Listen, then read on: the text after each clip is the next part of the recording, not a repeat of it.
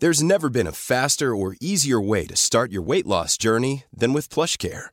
PlushCare accepts most insurance plans and gives you online access to board-certified physicians who can prescribe FDA-approved weight loss medications like Wigovi and Zepbound for those who qualify. Take charge of your health and speak with a board-certified physician about a weight loss plan that's right for you. Get started today at plushcare.com slash weight loss. That's plushcare.com slash weight loss. plushcare.com slash weight loss. There's never been a faster or easier way to start your weight loss journey than with PlushCare. PlushCare accepts most insurance plans and gives you online access to board-certified physicians who can prescribe FDA-approved weight loss medications like Wigovi and Zepbound for those who qualify.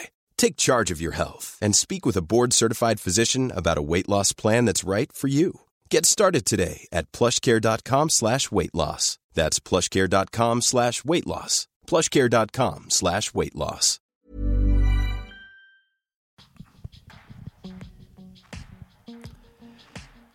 Hej, mitt namn är Joakim Lindén och ni lyssnar på Brottsofferpodden.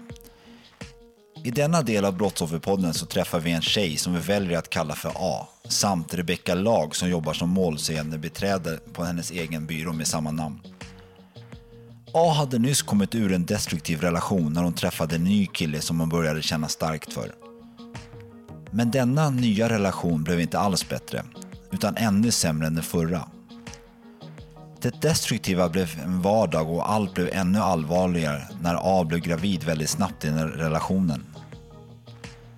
Pappan till hennes ofödda barn utövade inte bara psykisk misshandel utan även fysisk och det spelade ingen roll om hans offer var gravid med hans eget barn eller inte.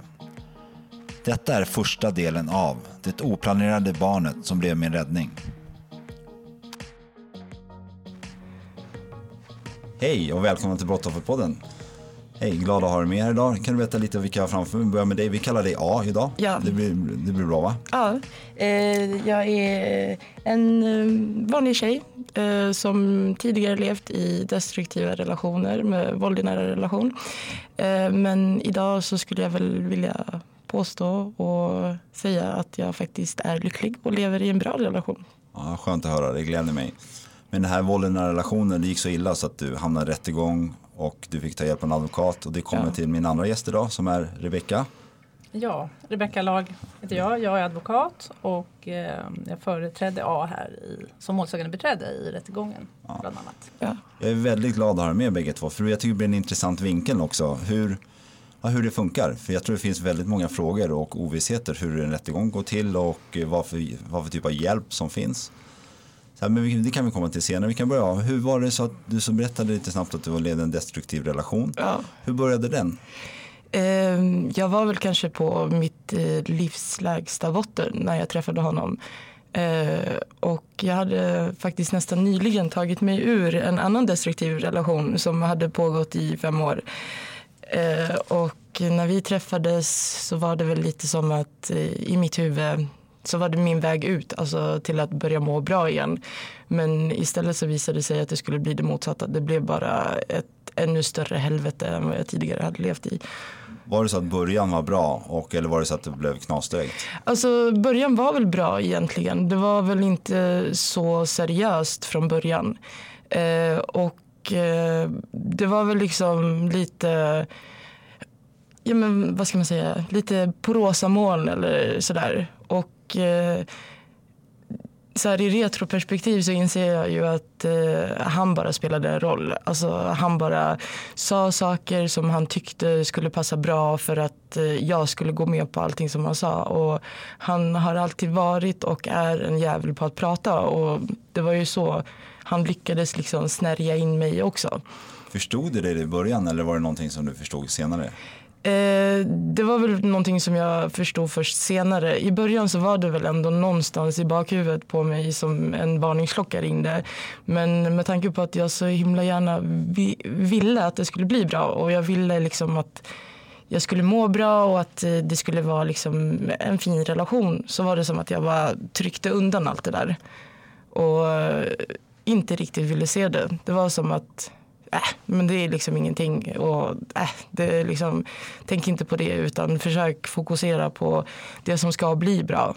Eh, Och och, varför, ursäkta att jag avbryter då, men Mm. När du säger så här, äh, vad är det ungefär? Om, man får, om du kan berätta lite, vad var det han gjorde som du känner nu efteråt? Som du förklarar som äh, var det att han var våldsam eller var han psykiskt misshandel? Eller Eh, alltså det, var väl, det var väl mest psykiskt egentligen. Att eh, han kunde bli väldigt aggressiv, han kunde säga väldigt elaka saker.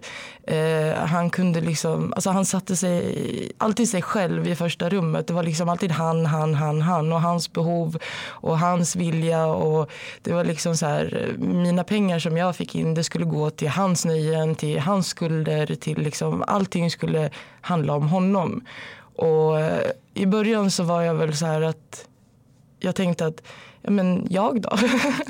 eh, och sen så till slut så blev det liksom så här att jag bara, jag bara tryckte undan det för jag tänkte att om han får lov att må bra då kommer jag också få lov att må bra senare. Men det blev aldrig riktigt så. Hur lång tid tog det innan, eh, du berättade om de här rosa molnen, hur lång, tid, lång tid tog det innan de var slut och det började bli mycket av de här ah-känslorna som du sa? Alltså två månader kanske. Det, det gick så snabbt. Ja, det, första, första gången som han faktiskt gav sig på mig det var efter två och en halv månad tror jag det var. Vad- något hur, sånt. hur menar du då? Va? Gav sig på dig? Alltså som han faktiskt misshandlade mig. Okej. Ja. Var det det, så här riktigt fysisk misshandel? ja. Eh, det var efter två och en halv månad tror jag. Ja, något sånt. Och på vilket sätt gick det till om man får fråga? Eh, jag, hade varit, jag hade varit ute och eh, jag, hade blivit, eh, jag hade blivit rånad och våldtagen faktiskt. Men det sa jag inte till honom utan jag sa bara till honom att jag hade blivit rånad. Och sen försökte jag liksom, jag försökte döva mina känslor med alkohol så jag var ute och drack.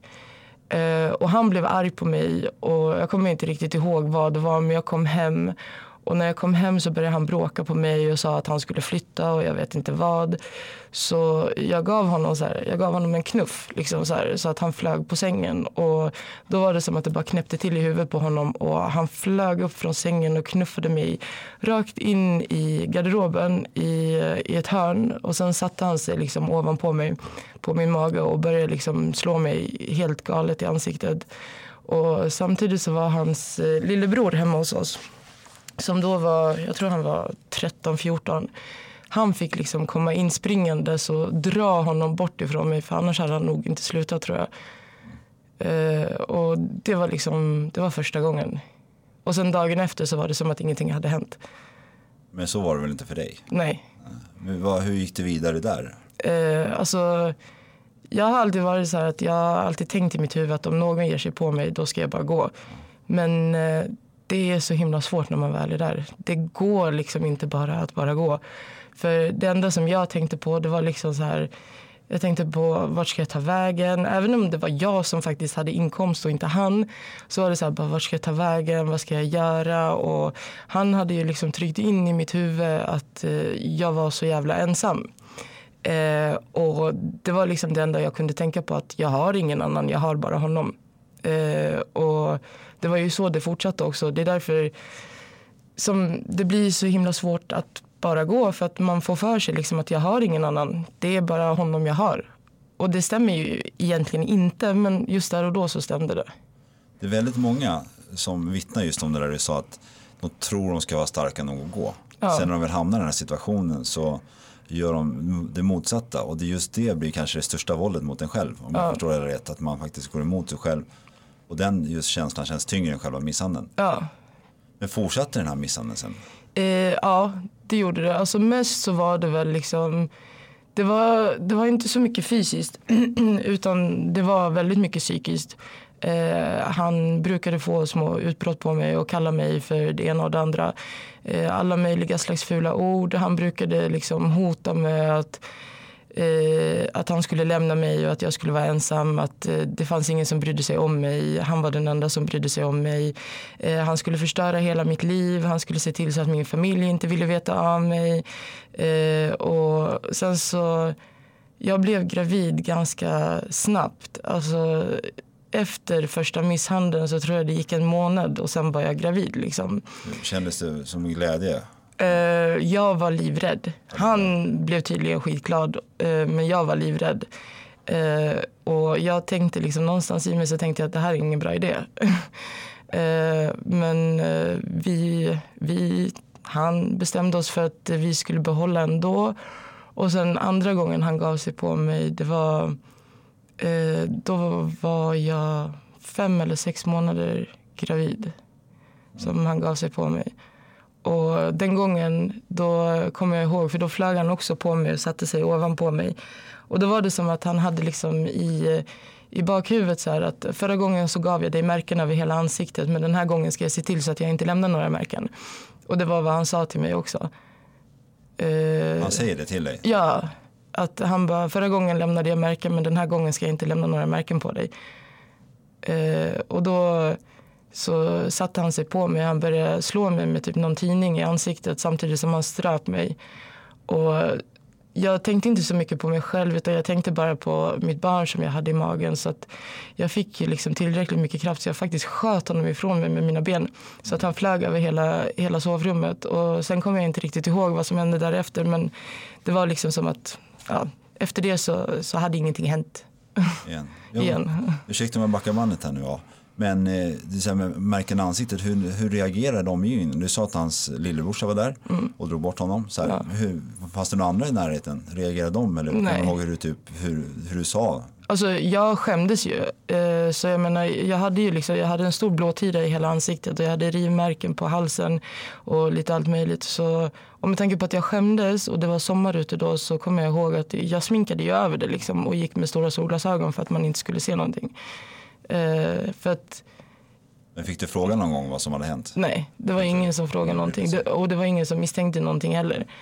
Eh, och den enda som visste någonting då, det var ju hans lillebror. Eh, men det var också som att det, det liksom bara slätades över. Och samma sak, eh, vid ett tillfälle så gav han sig på mig hemma hos sin mamma. Eh, där hela hans familj faktiskt var. Eh, och då, då var min dotter, hon var en månad gammal. Och då gav han sig på mig så pass att han, liksom, han gav mig typ en rak höger eller vad det var. Och en av hans andra bröder fick ju komma in och liksom fysiskt bära honom ut ur lägenheten för annars hade han nog, eh, jag vet inte, han hade nog slagit ihjäl mig. eh, och då var det också som att ingen i familjen liksom låtsades om någonting. Det var så här, ingenting hade Vad hänt. fick du för känsla då? Ursäkta att jag avbryter men vad ja. får du för känsla när ingen bryr sig efter sån, sån här, sånt kraftigt överfall? Alltså, just där och då, jag sa ju, jag kommer ihåg att jag pratade med hans mamma. Jag sa till henne att jag skulle polisanmäla honom. Eh, men då så hon, hon övertalade mig till att inte göra det. För att hon satt och sa till mig att ja, men om du polisanmäler honom så kommer de ta ditt barn ifrån dig. Eh, och då kändes det liksom, då var det så här att ja men det kanske är så att det kanske är jag som kommer få skiten för vad han har gjort mot mig. Eh, men så här i efterhand så känns det mest som, det känns bara vidrigt rent ut sagt. Att eh, man kan sitta och säga så till en människa som faktiskt har blivit misshandlad. Alltså att sitta och säga och liksom släta över det och låtsas som ingenting. Hade du haft tankar på att ringa polisen förut? Eh, det var första gången faktiskt. Ja. För i mitt huvud så var det så här att det var, liksom, det var inte så farligt. Och sen så kom det, det som alltid kom tillbaka det var ju att på sätt och vis så var det ändå mitt fel. Ja. Eh, för att eh, i mitt eget huvud så var det så här att ja, men hade inte jag gjort så här så hade inte det hänt. Hade inte jag sagt det där så hade inte det hänt. Hade inte jag liksom betett mig på det här sättet så hade inte det hänt. Eh, så jag gav ju mig själv hela tiden skulden för att han hade slagit mig. För det var alltid jag som i mitt eget huvud var den som triggade igång honom.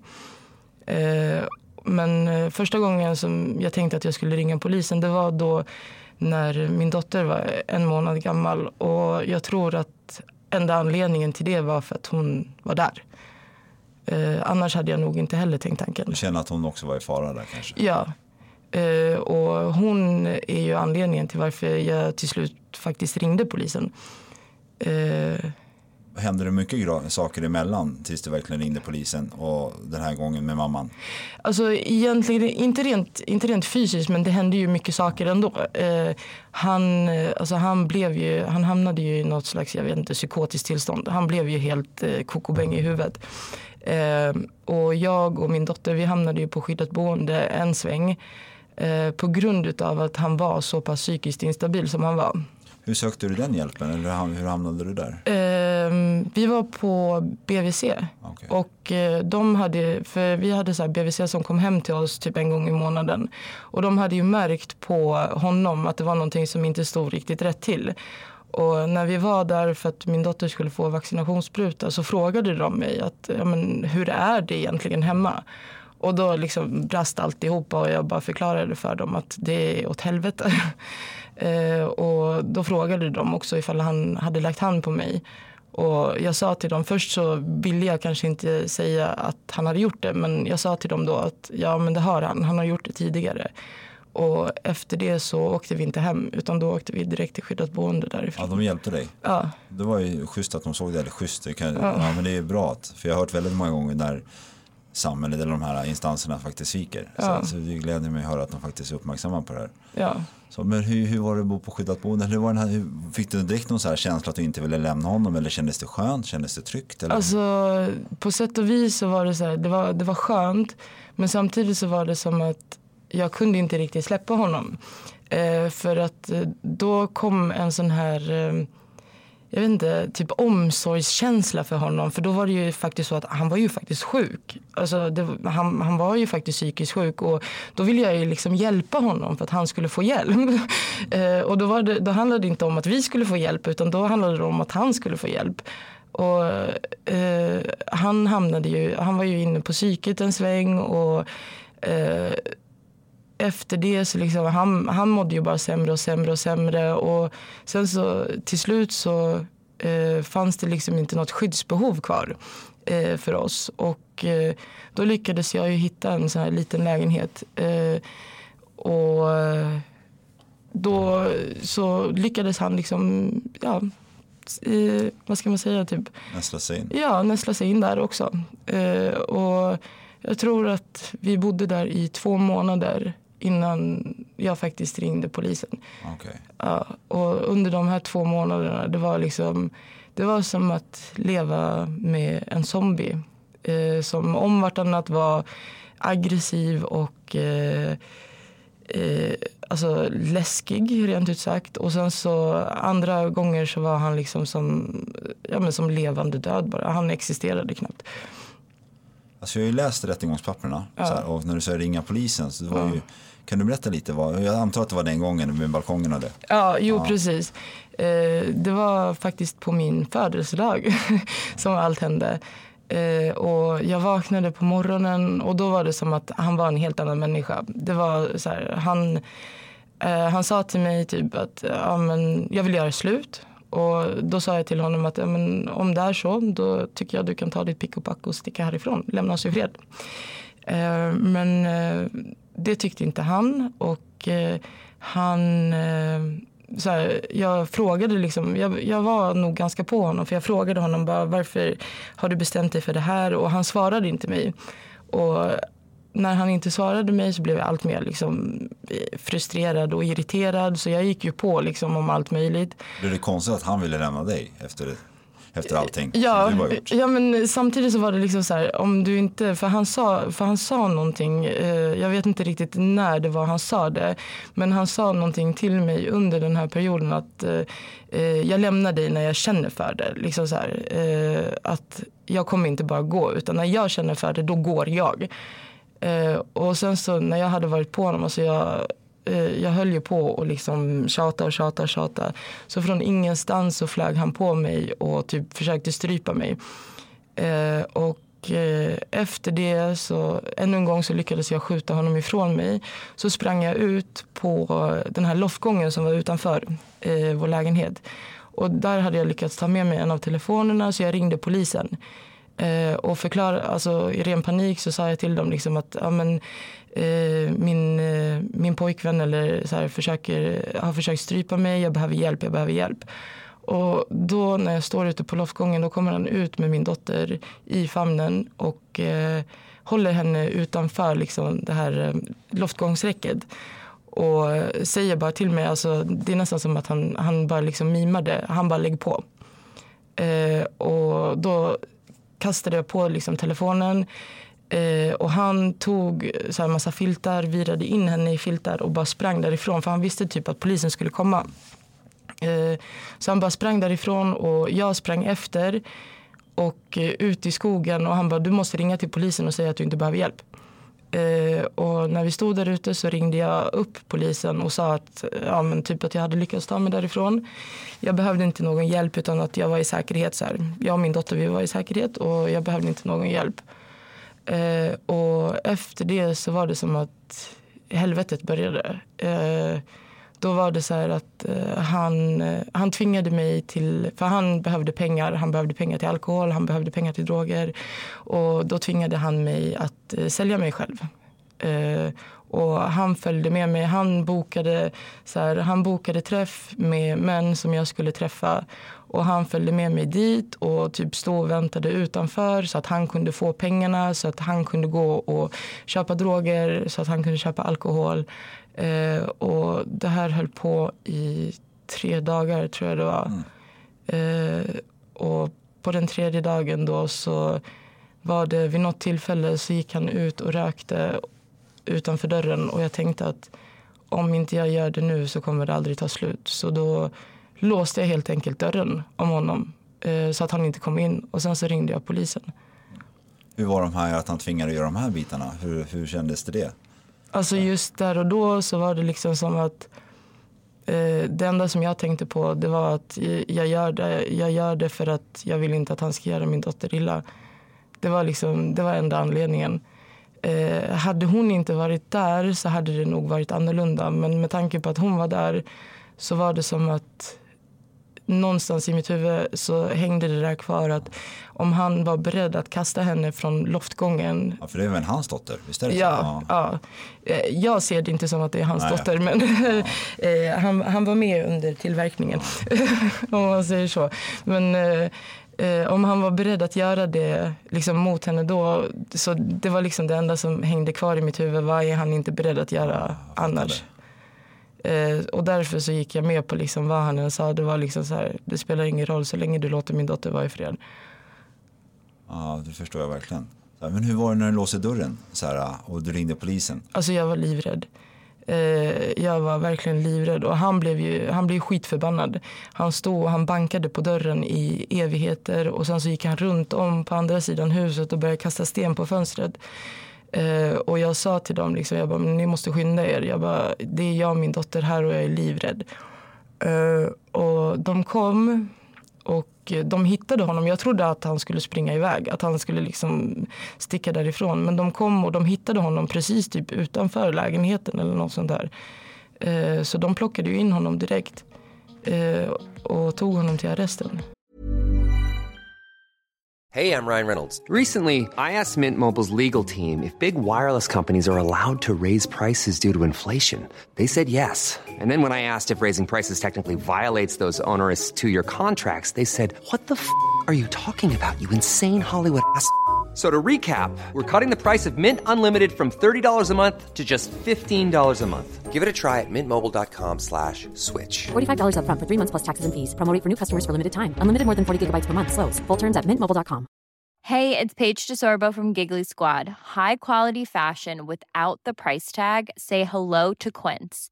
I'm snagging high-end essentials like cozy cashmere sweaters, sleek leather jackets, fine jewelry, and so much more. With Quince being 50 to 80% less than similar brands. And they partner with factories that prioritize safe, ethical, and responsible manufacturing. I love that. Luxury quality within reach. Go to quince.com slash style to get free shipping and 365-day returns on your next order. quince.com slash style. Och vad hände med dig? Eh, jag fick ju, jag fick ju lämna något så här första förhör på plats. Och eh, sen efter det så körde de mig och min dotter till eh, ett skyddat boende som vi hamnade på. Erbjöds något mer hjälp, samtalsterapi eller någonting? Nej, ingenting. Kände du att du var i behov av något sånt där? Ja, absolut. Men hade du berättat hela händelseförloppet då? Eller? Ja. ja du hade det. Eh, alltså de personalen som jobbade på det skyddade boendet, alltså, de var helt fantastiska. Eh, jag har faktiskt kontakt med en av dem fortfarande idag. Eh, och utan dem så tror jag inte att, eh, alltså jag hade inte klarat av tiden där överhuvudtaget. Så de var ju helt fantastiska. De fanns där liksom oavsett vad, dag som natt. Eh, de fanns så att man alltid kunde prata med dem och det spelade ingen roll vad man än pratade med dem De, liksom, de fanns där eh, och lyssnade och gjorde sitt bästa för att försöka hjälpa till. Men utöver liksom det så det fanns liksom ingen hjälp att få. Det, det var liksom efter att eh, de ansåg att mitt skyddsbehov inte fanns längre. Då, var det liksom, då blev jag och min dotter kastade i en lägenhet och sen fick vi klara oss själva. Liksom. Så du brister någonting stort väldigt? Ja. Men om vi går vidare, du har gjort en anmälan, han är mm. tagen, ja. så du är hyfsat safe. Du är skyddade boende. Men hur går, hela, hur går, hur går händelseförloppet vägen, till väga nu? Så här, vi ser till, till rättegång och Eh, det som, jag fick ju kontakt med Rebecka via det skyddade boendet. Då. Eh, har ni, Rebecka, har ni kontakt med det skyddade boendet och erbjöd? Eller var det så att de visste om det eller var, hörde de av sig till någon advokatbyrå bara? Ja, vi samarbetar ju med en hel del skyddade boenden. Okej, okay, okej. Okay. Ja, det förstår jag. Okay. Ja, ni får kontakt och vad, vad händer efter det? Eh, det är förhör. Eh, då kommer liksom polisen kom till det skyddade boendet och det hölls förhör. Och sen var det liksom en hel del förhör. Eh, fram tills, alltså det gick ganska fort. Eh, för jag tror att det tog två månader eller något sånt där innan det var dags för rättegång. Eh, och då, då var det så alltså jag höll ju på att samla massa bevis för jag hade ju, jag hade ju bilder på, på skador som han hade gett mig. Du hade tagit dem själv? Ja. Vet, eh, förstår du varför du gjorde det nu så här i efterhand? Eller var det tänkt så här det behöver jag kanske någon dag i framtiden? Eller alltså jag, jag, tror faktiskt att det var därför som jag gjorde det. Att eh, det kan vara bra att ha ja. liksom, som bevis. Uh, och sen så, så fanns det ju det fanns um, såna här messenger-konversationer oss emellan där han faktiskt erkände vad han hade gjort mot mig. Uh, så det som jag ägnade mig åt det var ju liksom att jag gick igenom allting för att få fram så mycket bevis som möjligt för att han skulle kunna åka dit för, för vad han hade gjort mot mig. Uh, och jag plockade fram allt det där och sen så till slut så uh, fick jag veta att uh, åklagaren hade väckt åtal. Uh, och att, hade han suttit häktad under tiden? Ja.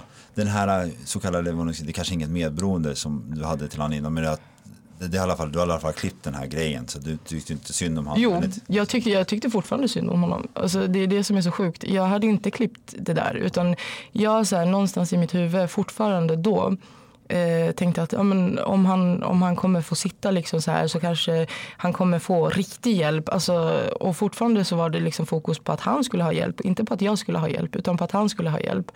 Och jag tror att eh, det tog eh, Alltså, från det att eh, han faktiskt blev dömd alltså tills, tills att domen kom och så tog det kanske sex månader innan jag faktiskt eh, insåg att eh, nej, jag vill inte veta av honom något mer. Det var liksom, det tog ett jävla bra tag att, att liksom ta sig ur den här bubblan som man var fast i till att faktiskt ställa sig utanför och, och liksom se det från ett annat perspektiv och se att alltså, det här är ju bara sjukt. Handlar det om att det var tiden som gjorde det eller, var det någonting speciellt som hände under alltså, året? Som... Dels, dels så var det tiden men dels så var det också det faktum att jag inte hade liksom, här, kontakt med honom hela tiden. Och sen så var det också det faktum att jag pratade så himla mycket om vad som hade hänt med andra. Och det gjorde att jag kunde se på saker på ett helt annat sätt.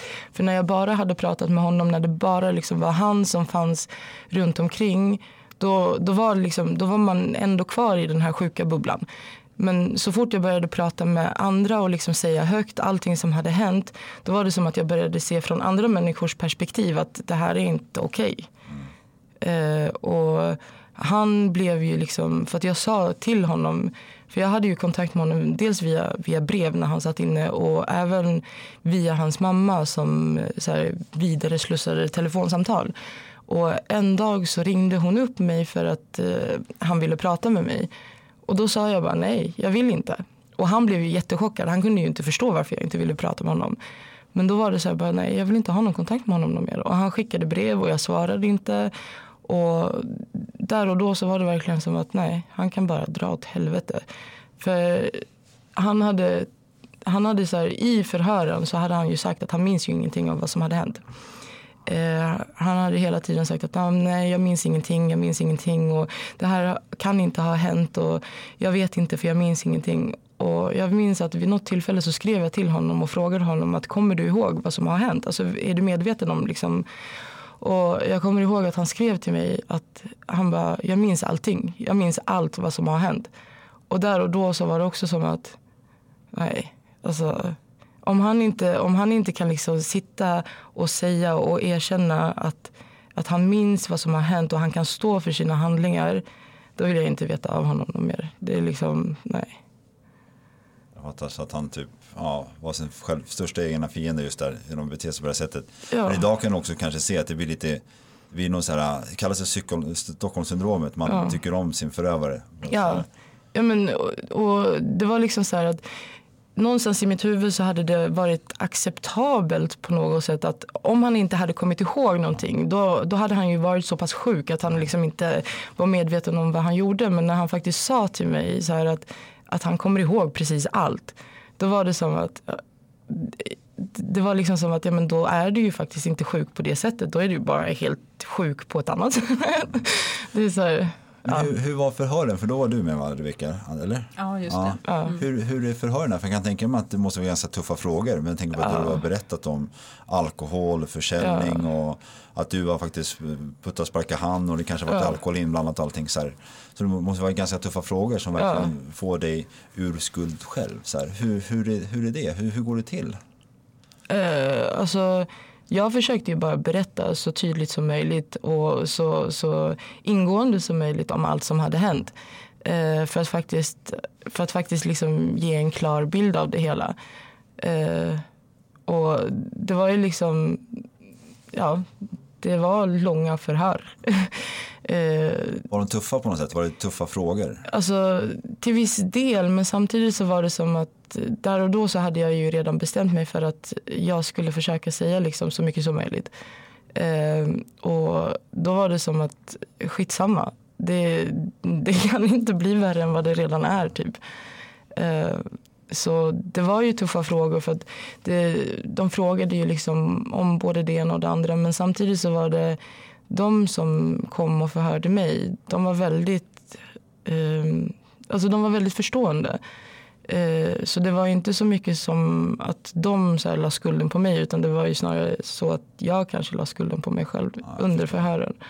Men du var ju också väldigt ärlig. Ja. Alltså, du berättade ju även dina egna tillkortakommanden om man ska säga så. Ja, ja det var ingenting som jag, som jag hymlade med utan jag sa ju liksom som det var till dem. Att, att, eh, och jag tror att det stod i domen också att eh, med tanke på att jag var så himla ärlig om att jag också hade liksom mina dåliga sidor eh, så gav det en mer trovärdig liksom bild utav att det som jag sa faktiskt var sant. Att jag inte liksom försökte så här dölja att jag hade varit en mindre bra människa då och då. Jag förstår. Var det jobbigt? Var det? Du kände bara nu kastar alla korten på bordet, nu får Ja. det vara som du vill. Ja. Så här. Alltså, det var väl kanske jobbigt men samtidigt så var det så här att det, det, det går inte längre. Det går liksom inte att hålla på och, och hymla längre eller försöka dölja massa saker utan det får bära eller brista liksom. Hur är det för dig Rebecka att sitta i de här förhören? Blir det jobbigt? Dras du med? Blir du medberoende till dina klienter? Så här, det, det måste vara ganska jobbigt ibland att sitta där och, och hela tiden få massa frågor kastas till dem och du ska han försvara. Eller blir man väldigt professionell? Så här? Alltså man blir nog väldigt professionell men samtidigt blir man ju också upprörd ibland över de frågor som kommer från försvar. Framförallt. Man ser ju på så amerikanska filmer Mm. hur, hur, ett förhör går till. Men jag antar att så är det ju inte i, Sverige. Här, jag har själv suttit i förhör så jag vet Mm. att riktigt så är det inte. Men det är nog många som människor som inte vet om att hur, hur, hur, hur exakt det går till. Mm. Men det är, det två poliser, sen en klient och en advokat som sitter där. Ja. Och sen är det hyfsat humana frågor. Ja det tycker jag ja. absolut. Sen är ju min del i själva polisförhören inte särskilt stor. Jag kan komplettera om det är något jag tycker att polisen missar. Men får du reda på vad för, för, förövaren har sagt? Under, eller får du, det är när domen har släppts? Eller får, får du ta del av den innan? Ja, det är ju när förundersökningen är klar. Då Okej. får jag ta del av det. Men Okej. inte under själva polisförhören. Eller? Och det är samma med eh, förhörsadvokaten. Han får inte ta reda på vad ni har sagt heller va? Nej. Nej. Så det är helt slutet till dess. Sen kan man ju förstå ibland på de frågor som ställs som till, till målsäganden eller vad det är han säger. Och ofta är det ju samma saker de säger. Liksom. Ja, jag förstår.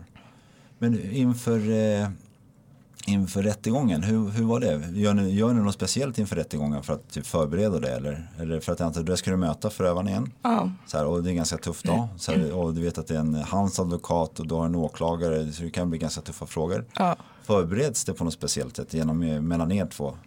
Ja, det vi gör- gör är ju att gå igenom liksom förundersökningen tillsammans med, ja, som A i det här fallet.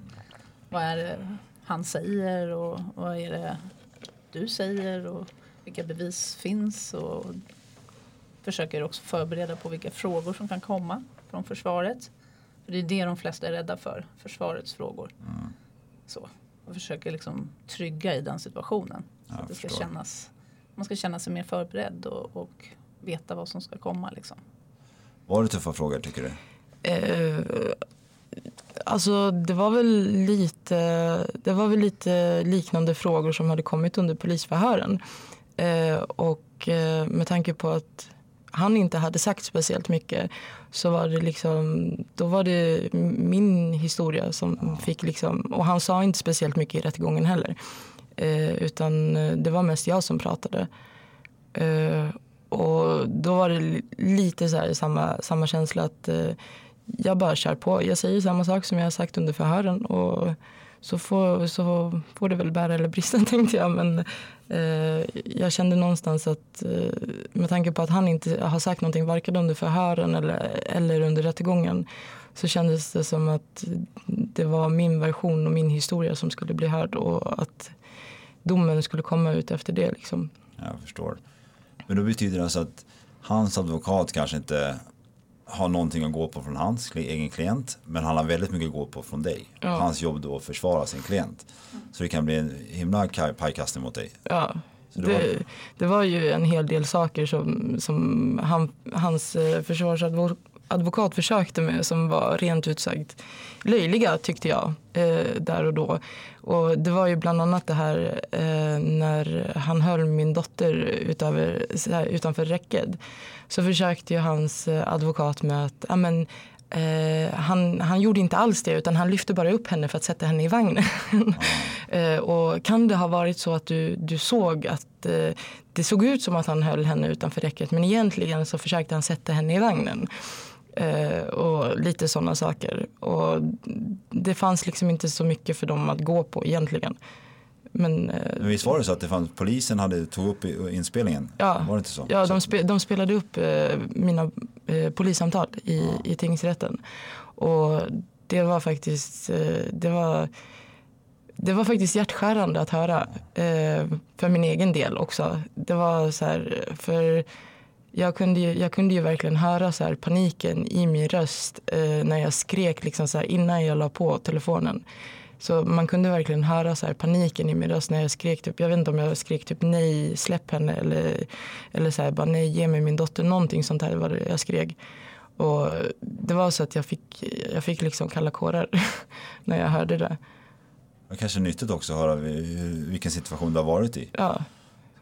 Men det är, det är också, just den där delen av alltihopa, det är också det som har påverkat mig mest. Eh, eh, det här med min dotter. Allting annat, det är liksom som att man kan så här, bara så här, borsta av sig. Men just det där, det har liksom så här, stannat kvar hos mig och påverkat mig på ett sätt som jag tror ingenting annat har gjort.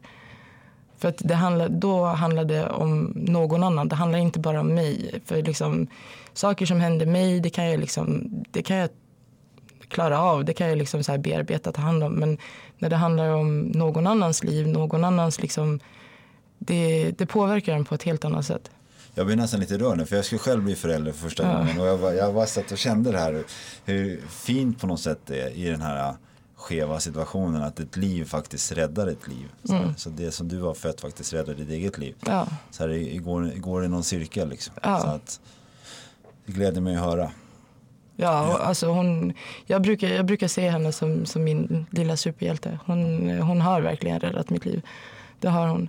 Och det kommer hon fortsätta göra också. Ja, schysst. Men om vi hoppar tillbaka till rättegången. Så här, var, det, Var det något annat utöver de här tuffa frågorna som advokaten, eh, hans advokat som du tyckte var extra jobbigt? Alltså, jag tyckte ju att det var jobbigt att komma dit och faktiskt se honom. Eh, och jag tror att jag och Rebecka i början så sa jag till henne att jag vill inte alls, jag vill inte alls se honom och att jag var livrädd för att komma dit och faktiskt se honom. Eh, och då tror jag att det fanns någon sån här möjlighet för eh, för mig att han skulle gå ut när jag var där eller när det skulle ställas frågor och så till mig. Men eh, ju närmare vi liksom kom till rättegångsdatumet så sa jag att nej, jag vill inte att han ska ha liksom den makten över mig att jag inte ska klara av att sitta i samma rum som honom utan eh, jag, jag ska göra det. Och det var jobbigt att se honom där. Men samtidigt så tror jag att det var nyttigt ändå. Att, eh, att liksom, även om jag inte tittade så mycket på honom under rättegången så var det ändå så här, det kändes ändå bra att ha gjort det istället för att liksom hela tiden eh, försöka fly. Eh, för det hade blivit som att då, då skulle han få den här makten över mig att jag inte ens vågar sitta i samma rum som honom. Kände du att han sökte din kontakt under rättegången? Eh, ja, till viss del. Visst det. Ja. Eh, de få gångerna när jag faktiskt tittade upp på honom då såg jag att han faktiskt tittade på mig. Eh, och det var som att han kunde liksom inte riktigt förstå eh, vad som hade hänt. Och att han faktiskt satt där han satt. Och eh, någonstans i mig så, så blev jag nog lite så här skadeglad av det. Ja, Ja. men det förstår jag att det blir. Det, det var lite så här att eh, nu, nu jävlar ska du få ditt straff. När vi pratar om straff, var det en dag i rättegången? Eller Två dagar. Mm. Två dagar. Så var det lättare första dagen eller andra dagen? Andra dagen. Var lättare, för då visste du Ja. vad som skulle hända. Ja, precis. Och när allting var över, jag antar att fick han domen direkt, det får man inte för mig. Nej. Nej. Eh, och, Två veckor va? Något sånt. Jag tror det var två veckor. Ja. Men han blev fortsatt häktad? Ja. Ja. Och, eh, och när väl domen kommer, eller hur, hur var det när rättegången var klar, dag två? Var det som att, så här, kändes det som att det var någon kapitel som kunde stängas eller? Ja. Eh, det, var, det kändes som att det kändes som att eh, nu var det liksom, nu var det ändå på väg. Så här, då, då var det som att det hade liksom allt det här som man hade varit så nervös inför som det var liksom avklarat. Det var lite som att man kunde pusta ut som att nu, nu, är, det liksom, nu är det klart. Nu finns det inte mer man kan göra åt det. Liksom. Men och kände du där och då också att han är sjuk? Så här, jag kan inte heller säga att han, han förtjänar det här. Du känner, Ja. ja. Ja, Att jag kan inte hjälpa honom längre. Så, Ja. så det var också avslutat. Men sen tog det cirka två veckor, sen kom domen. Ja. Eh, vad blev det för dom? eh, två år och tre månader fick. Och Tyckte du det var rättvist? Eh, I ärlighetens namn så tycker jag att han kunde ha fått mer straff. Eh, jag tycker att eh, eh, det kunde ha varit hårdare. Men samtidigt för min egen del så känner jag att eh, anledningen till varför han fick så pass ändå hårt straff eh, det var ju för att han blev dömd för grovt över, övergrepp i rättssak. Eh, och bara det gav honom två år.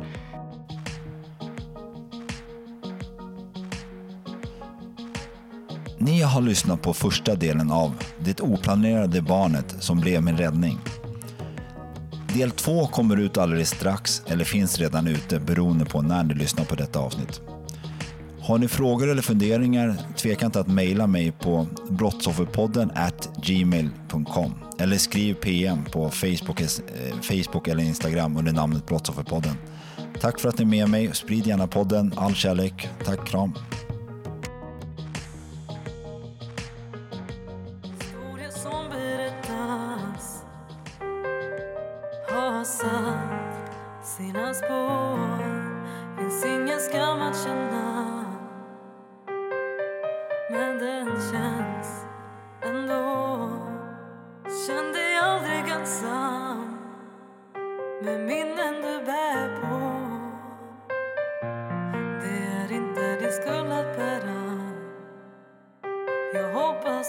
För skulden ligger hos den som begår. Hos den som begår. Hos den som begår.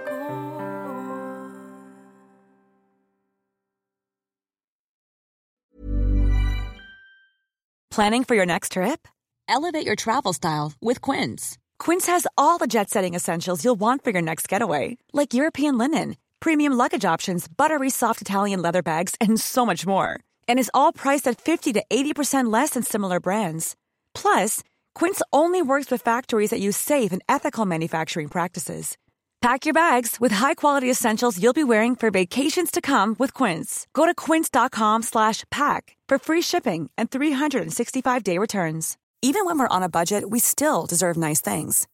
Quince is a place to scoop up stunning high-end goods for 50 to 80% less than similar brands. They have buttery soft cashmere sweaters starting at $50, luxurious Italian leather bags, and so much more. Plus, Quince only works with factories that use safe, ethical, and responsible manufacturing. Get the high-end goods you'll love without the high price tag with Quince. Go to quince.com slash style for free shipping and 365-day returns.